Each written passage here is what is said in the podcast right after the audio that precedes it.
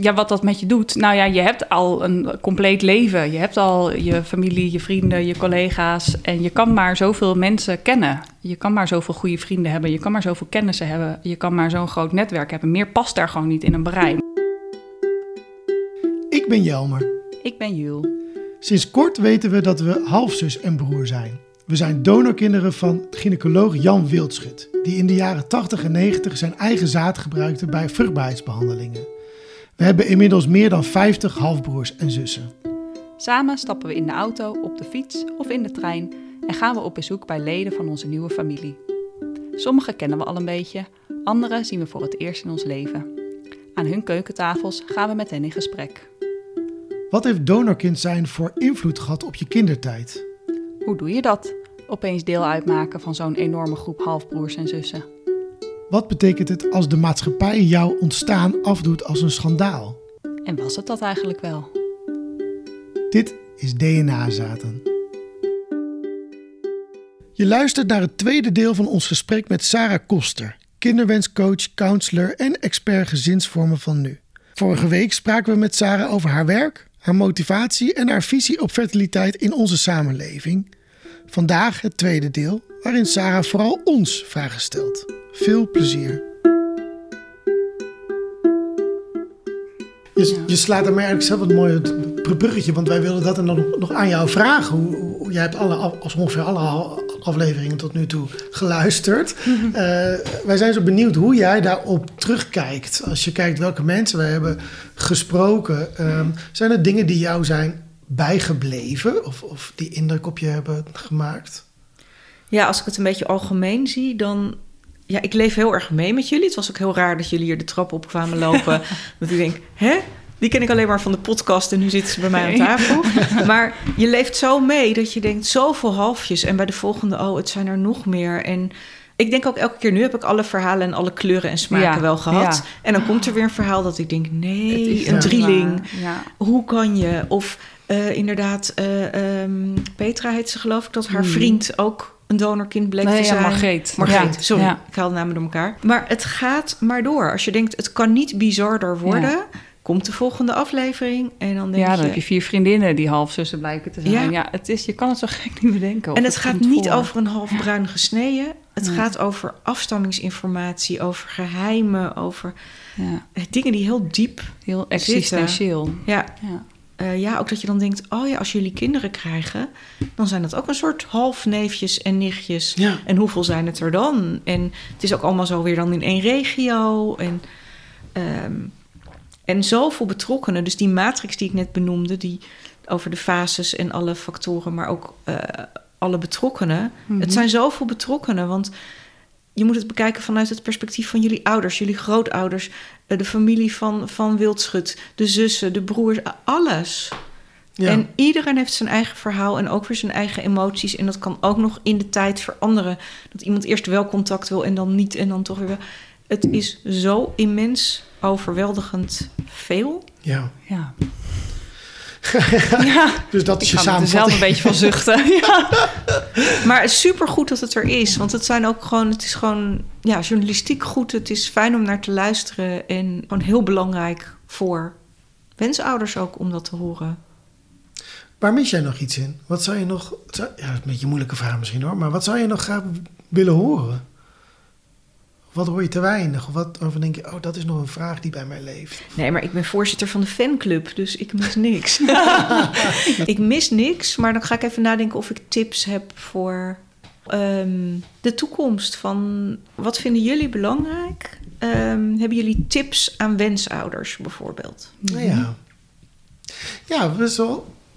Ik zit nog steeds, hè, soms zelf persoonlijk wel te spelen met de gedachte: zou ik ooit donor willen worden? Uh, en tegelijkertijd de afgelopen jaren merk ik dat ik, dat ik daar dus dat dat getroubleerder wordt, dat idee. Omdat ik denk, ja, wat, wat, wat voor verhaal zadel ik een kind mee op? Dus dat is misschien niet, niet handig om dat te gaan doen. Maar ik heb er best wel gedachten over, over wat zijn mooie manieren om... Mm uh, en dat, dat moet voor jou ook gelden, denk ik. Ja, maar, zou je dan bekende donor willen zijn of spermabankdonor? Oh nee, absoluut bekend. Ja. Ja, want ik daar. Ik vraag naar de bekende weg. De bekende weg. Ah, nee, ja, nee, zeker. En, en, en, en daarbij uh, denk ik dat het dat ik, nou ja, ik, ik vind het ontzettend mooi en inspirerend om te horen wat voor counseling jij doet. En dat zou ik onmiddellijk ook doen. Ja. Eh, ik zou heel bewust zo'n traject met elkaar ingaan. Waarbij je alle opties open moet houden. Ook de conclusie: oh nee, we moeten toch niet met elkaar dit gaan doen. Mhm. Uh, maar de, de, de, hè, dat, dat alle opties er, er kunnen zijn. Het moet kloppen, hè? Je, ge, je, de gewenste gezinsvorm moet kloppen. De klik moet Ja. er zijn. Ehm, alles moet kloppen. Ja, ja, Want je kan, je kan niet zeggen, nou de een wil liefst co-ouderschap en de ander wil wel donor zijn. En nou weet je, dan gaan we in het midden zitten. Net of ik jouw tweedehands auto overneem en jij Ja. vraagt 1500, ik wil 1000 geven. Joh, we doen 1250. Dat is mooi Je kan niet ja. middelen met een gezinsvorm, want dan is Nee. iedereen ongelukkig en het kind dus ook. Ja, ja. En dat soort inzichten zijn zo, zo belangrijk. En ik kan me voorstellen dat mensen die hiermee bezig zijn... het is een heel spannende fase... eh, dat, dat het soms zo prettig kan zijn om iemand die van, van iets meer afstand kijkt... die veel ervaring heeft met gesprekken met verschillende mensen... dat die hierover kan adviseren. Dus dat zou ik altijd doen. Nou, ik heb bijvoorbeeld iemand in mijn, in mijn omgeving die zelf, zelf donorvader is, of vader eh, nou, do- gedoneerd heeft. Eh, maar eh, echt ook wel, eh, eh, hoe zeg je dat? Nou, part-time papa is. En dat vol trots is. Gezondheid. Die gaan we mooi in de, de, in de podcast doen. Vind ik leuk. Die knippen we er niet, er niet uit. Maar eh, eh, eh, die dat, dat, dat vol trots is en, en ook daarbij betrokken wordt op een heel mooie, Mhm. liefdevolle manier. Ja, dat, dat zie ik dan, denk ik, mensen, kijk eens hoe mooi dit kan zijn. Ja. Met alle complicaties die er- erbij komen kijken. Ja, maar goed, dat complicaties kan je ook in een standaard gezin hebben. tuurlijk. Dan kan je ook eh, scheiden of Ja. ruzies hebben of ergens niet over eens zijn. Nou, ik denk dat ik wensenouders wel wil meegeven hoe veel zo'n donor bepaalt. Ja, niet als in, hoe leg ik dit uit? Je kind wordt wel voor de helft, gaat dat bestaan uit eh, degene van de donor. En dat is gewoon best wel belangrijk. Dus in die zin denk ik ook weer, ja, als je bij een Nederlandse spermabank kan je niet kiezen, ja, dan weet je dus eigenlijk ook niet wat je krijgt. Aan de andere kant kan je bij zo'n Deense spermabank misschien wel kiezen. Dat geeft ook geen garantie op dat het kind dan zo wordt. Maar dan, daarom denk ik, als het iemand is uit je eigen netwerk met wie je contact hebt, dan kan je dingen ook misschien eerder herkennen bij je kind. En dat kind kan dingen spiegelen aan, aan, aan die donor. En kijk, leuke eigenschappen, eh, dat is niet zo moeilijk om je daar eh, mee in het reinen te zijn met jezelf. Maar de dingen die je moeilijk vindt aan je eigen persoon, als je die niet herkent in de ouders waarbij je opgroeit, omdat die genetisch vanuit de donorkant komen, dan kan dat denk ik best heel eenzaam eh, en moeilijk zijn. Terwijl als je dan snapt van, oh, maar dat komt daar vandaan, of als je dat kan spiegelen aan iemand, dan geeft dat ook veel meer acceptatie van jezelf. Mag ik er, mag ik er wat aan Ja. toevoegen? Ik denk dat dat, misschien korter gezegd, Ja, hoe, vast het is samen. nou, hoe, hoe, eh, hoe veelzijdiger, hoe breder, hoe diverser je het palet maakt aan informatie waar jouw kind uit kan halen wat hij vraagt, wat hij nodig, hoe groter dat pakket, hoe eh, groter je de kans misschien maakt voor je kind om antwoorden te vinden. Ja. En dan hoeft hij niet met alles iets te doen, hè, maar het feit Maar dat je de kans hebt. ja. Dus ik denk ook hoe, hoe meer informatie, hoe kleiner het issue misschien wel. Want als de informatie er is, ja, dan is het misschien ook ineens veel minder belangrijk. Want dan is het gewoon zo. Maar als je het niet weet, als je het niet kan snappen of spiegelen. Ja, ik denk, kort samengevat, eh, de donor is niet alleen een zaadje. Nee, maar dat wordt ook wel eens gezegd. Nou, we hebben alleen een bouwsteentje Oh nodig. nee, het is ik geen Lego-blokje. Ja, ik krijg dus de hele tijd reclames van Cryos, die Deense spermabank. Eh, ik denk omdat we DNA-zaten als account hebben. Nee hoor, gewoon dus op leeftijd. Of dan krijgt eh, iedereen, ja. oh god, dat kan natuurlijk Ah, ook. je bent gemarket op je leeftijd. 31 ben. tuurlijk, Ah, joh. Maar, oh, en ze denken dan ook dat ik eh, lesbisch ben, denk ik. Want ik krijg nu de hele tijd een reclame van twee vrouwen met een baby. En dan staat er in grote letters: niet haar genen, wel haar kind. Eh, kijk nu graat, bekijk nu gratis ons donoraanbod. Ja, ik word daar elke keer, denk ik toch, ja, doe daar nou niet zo lichtzinnig over. Maar weet je wat mannen krijgen die zo rond de 30, 40 Nee. zijn, in Amsterdam wonen?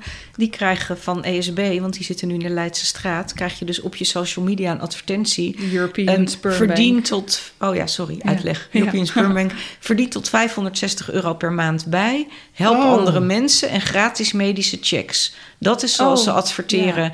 En die krijgen eigenlijk alle vrienden die ik heb in die leeftijdsklasse in Amsterdam wonend krijgen die via hun socials binnen.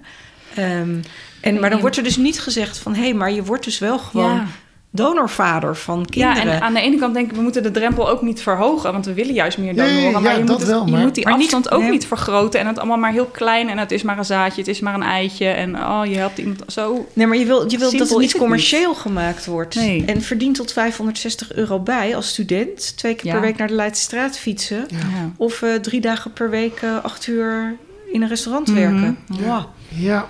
Kijk, en natuurlijk wat je zegt, het is ergens een mooie gedachte dat er moeite wordt gedaan om donoren eh, te vinden. Maar de, de motivatie daarachter is niet uh, maatschappelijk. Maar is en je maakt commercieel. het gewoon veel simplistischer dan dat het eigenlijk is. Ja. En het is gewoon niet simpel. Nee. Maar hoe leg je nou uit dat er in Nederland niet genoeg donoren zijn bij de klinieken? Vervolgens gaan al die mensen in Amsterdam bij de European Spurbank in de Leidse Straat doneren. Dat wordt naar Denemarken ja, verscheept en dan over de hele wereld. Oh. Hoe gaan we hier over 50 jaar op terugkijken? Wat zijn we aan het doen uh, met de afstammingsinformatie van kinderen? Ja.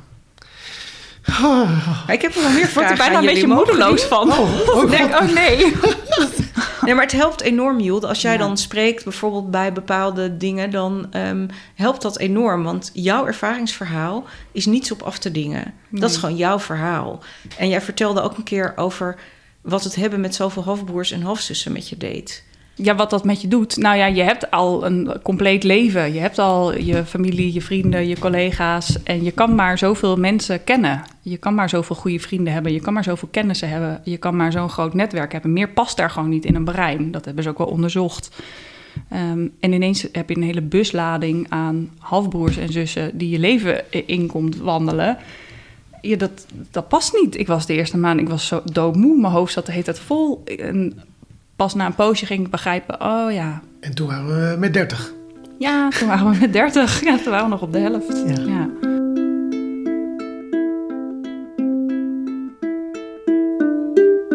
Hey, en hebben jullie, ook, um, hebben jullie ook tips aan mensen in de fertiliteitszorg? Die in de fertiliteitszorg werken? Oh, goede vraag. Die heb ik eigenlijk nog niet. Nou ja, ik vind het lastig omdat ik niet exact weet in hoeverre uh, mensen professionals in de fertiliteitszorg zich laten informeren. Maar ik zou zeggen, hè, wat we net ook wel een beetje zeiden, er zijn nu zoveel verhalen beschikbaar mhm. van uh, jonge mensen of inmiddels ruim volwassen mensen die, die op een goede, evenwichtige manier kunnen vertellen wat de consequenties zijn geweest van bepaalde keuzes in het uh, verleden. Informeer jezelf daar zo goed mogelijk in. En ga alsjeblieft mee in de ontwikkeling die volgens mij gaande is. Namelijk dat langzamerhand er steeds meer evenwicht komt tussen de kinderwens en het belang van het kind. Uh, want dat evenwicht is natuurlijk heel lang er niet geweest. Nou, het werd anders geïnterpreteerd. Omdat men dacht dat DNA er niet toe deed. Ja, ja. En dat het maar een bouwsteentje was. maar inmiddels weten we door jullie, zeg maar, door de mm. donorkinderen, dat dat dus heel anders ligt. Ja, dat is goed dat je dat zegt. Maar we, we leven wel in het daglicht van nu. Ja. Dus daar moeten we ook naar handelen. Ik weet eigenlijk ook niet hoe die fertiliteitszorg er van binnen uitziet en wat er wel of niet gecounseld wordt en waar het zwaartepunt ligt. Ligt het bij de kinderwens of ligt het bij het belang van het kind? Um, en dat zal in iedere kliniek en bij iedere counselor waarschijnlijk ook nog weer anders zijn. Um, maar ik denk inderdaad, nou, eigenlijk is dat dan een beetje hetzelfde als bij ouders, maar uh, wees je bewust wat de effecten zijn voor datgene wat je creëert. Want je, ja, er komt een baby uit, maar die baby wordt een mens en dat wordt gewoon een volwassene en die. Uh, daar heeft het effect op, op wat voor manier je verwekt bent en wat je daar wel niet over wil weten. En ik denk dat je dat heel goed moet uh, beseffen in de zorg die je verleent. Je helpt niet alleen de ouder, maar je draagt ook verantwoordelijkheid voor wat, er, uh, wat het gevolg daarvan is voor het kind, het mens wat eruit voorkomt. En misschien nog een heel praktisch puntje daarbij. Maak je, maak je hard voor een, uh, een, een database van donorkinderen. Want daar hebben wij het over gehad. dat er nu politiek lijkt te zijn afgesproken. Het is heel belangrijk dat een kind al wanneer dat wil uh, kan achterhalen wie de donor is. Maar dan moet je wel überhaupt weten dat je donorkind bent. Hmm. En de verantwoordelijkheid daarvoor ligt op dit moment nog volledig bij de ouders. Uh, en tenminste, ik zou het een heel mooi idee vinden als jij los van wat jouw ouders graag willen, zelf kan achterhalen: ben ik de donorkind of niet? Ja. ja.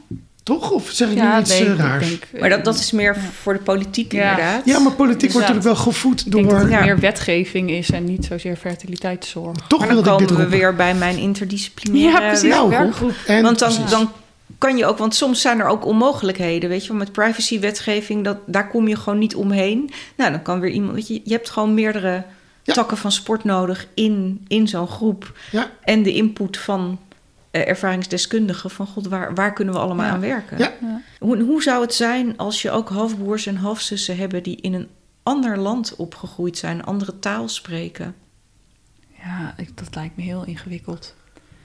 Als je bekijkt al hoe, hè, een beetje flauw gezegd, maar dat je binnen een grote groep al, een Nederlands halfbroers en zussen al soms zo aan het zoeken bent naar gemeenschappelijke taal. Mhm. Want dat is soms al, al ingewikkeld ja, maar je eh, bent ook niet samen opgegroeid. dat, dat is natuurlijk, je mist, je mist een heel stuk. En dat moet je allemaal gaan zoeken. Ja.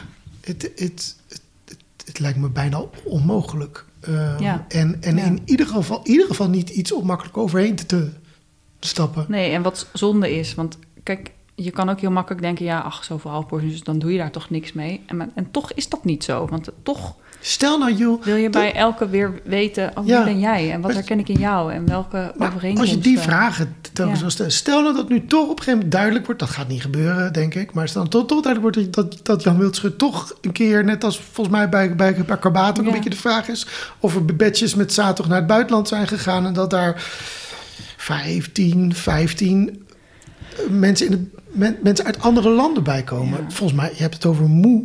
Dan zou, daar zou ik, word ik word al hondsvermoeid bij het idee. al een beetje van zuchten. Dan denk ik, oh nee, dat, dat, ja. dat kan, dat kan Maar dat zijn we dus wel aan het doen met de Deense spermabanken. Ja. ja. Nou, dan heb je heb je antwoord. je antwoord. Ja. nou dat valt wel in de serie tips en wensen aan. en uh, ik heb nog een vraag. Um, oh, uh, wel leuk dit. We hebben de, de rollen omgedraaid. Zonder dat we dat van tevoren hebben gesproken. Ik vind het interessant. Ja. Ja? nou ja, zoals gezegd, ik wil gewoon heel veel van jullie leren en dingen van jullie horen. En dat helpt ook altijd als ik zeg, nou, donorkinderen geven aan dat. Het zou ook heel fijn zijn als er meer wetenschappelijk onderzoek gedaan werd. En dan ook echt wetenschappelijk onderzoek, wat gewoon door een universiteit, door de ethische commissie goedgekeurd is, dat je ook echt iets met de resultaten kan. Wij merken dat dat bijvoorbeeld bij draagmoederschap en meer ouderschap ontzettend de politieke discussie steunt. Mhm. Dus uh, meer wetenschappelijk onderzoek is, staat ook op mijn lijstje. Ik denk dat er nu vooral veel onderzoek is gedaan onder vooral nog hele jonge kinderen en of ze dan goed functioneren. Maar ik denk dat dat een beetje uh, in die zin de plank mislaat omdat dit zo veel meer over existentiële vragen gaat. Dat is denk ik heel moeilijk te vangen. En heb je een goede CITO-score, ja of nee? Dat is eigenlijk helemaal niet van belang. Maar het is veel meer van belang hoe ontwikkel je je persoonlijkheid en hoe. Uh, en wat doet dit met je? Ja, precies. Wat doet het met je? En dat is denk ik ook in elke levensfase heel anders. Want dat, um, daar zou ik als puber heel anders over nadenken dan als student. Uh, heb, boeit het je misschien helemaal niet.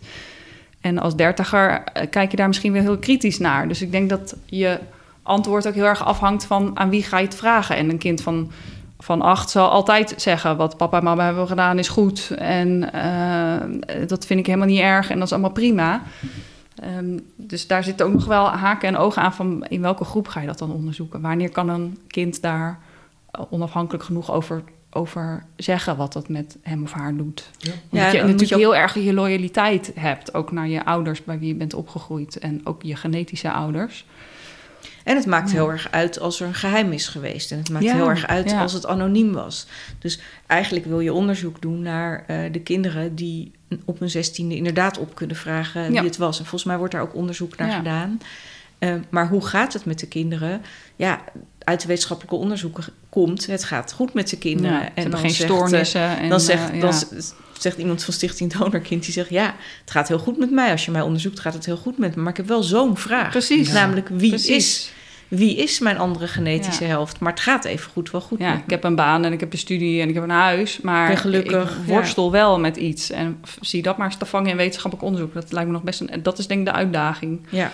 Ja. Maar dat, dat, dat, dat zal steunend zijn in het verhaal. Want uiteindelijk stellen we continu de vraag aan de Deense spermabanken: kunnen jullie dat aantal beperken? En wat voor aantallen hebben jullie? Maar je krijgt eigenlijk steeds een ander Mhm. antwoord. Nou, dat is al een beetje verontrustend, Ja. vind ik. Ja, zeker.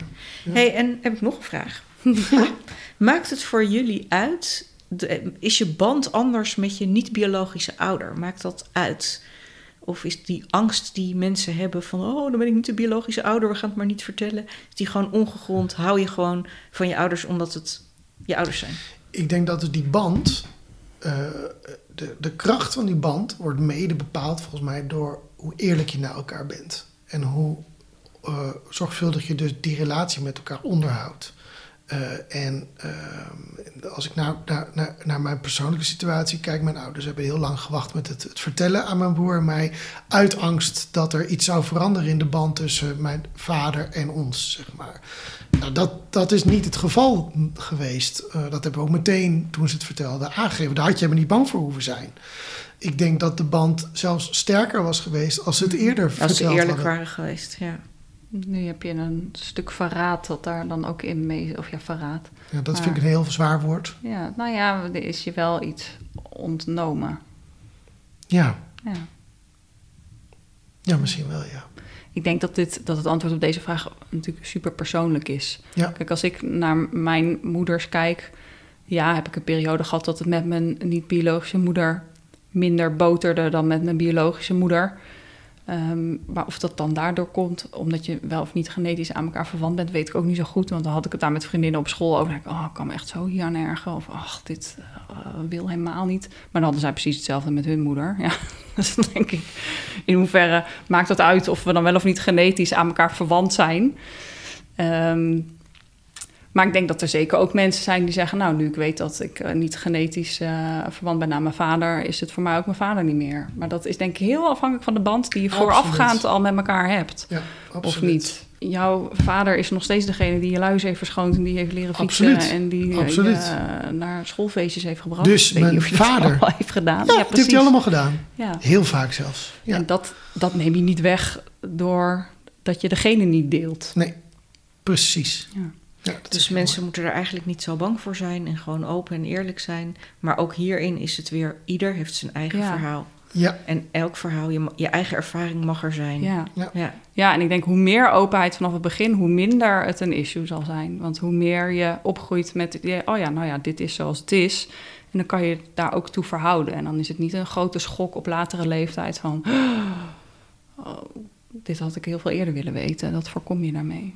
Ja, ja, en als puber zet je je misschien wel weer meer af tegen degene op wie je lijkt. ja Dus precies. het kan alle kanten op. Er is werkelijk, Nee, er, is geen, er zijn eh, geen regels voor dit soort dingen. Er is geen Ehm, vast beloop. Ja.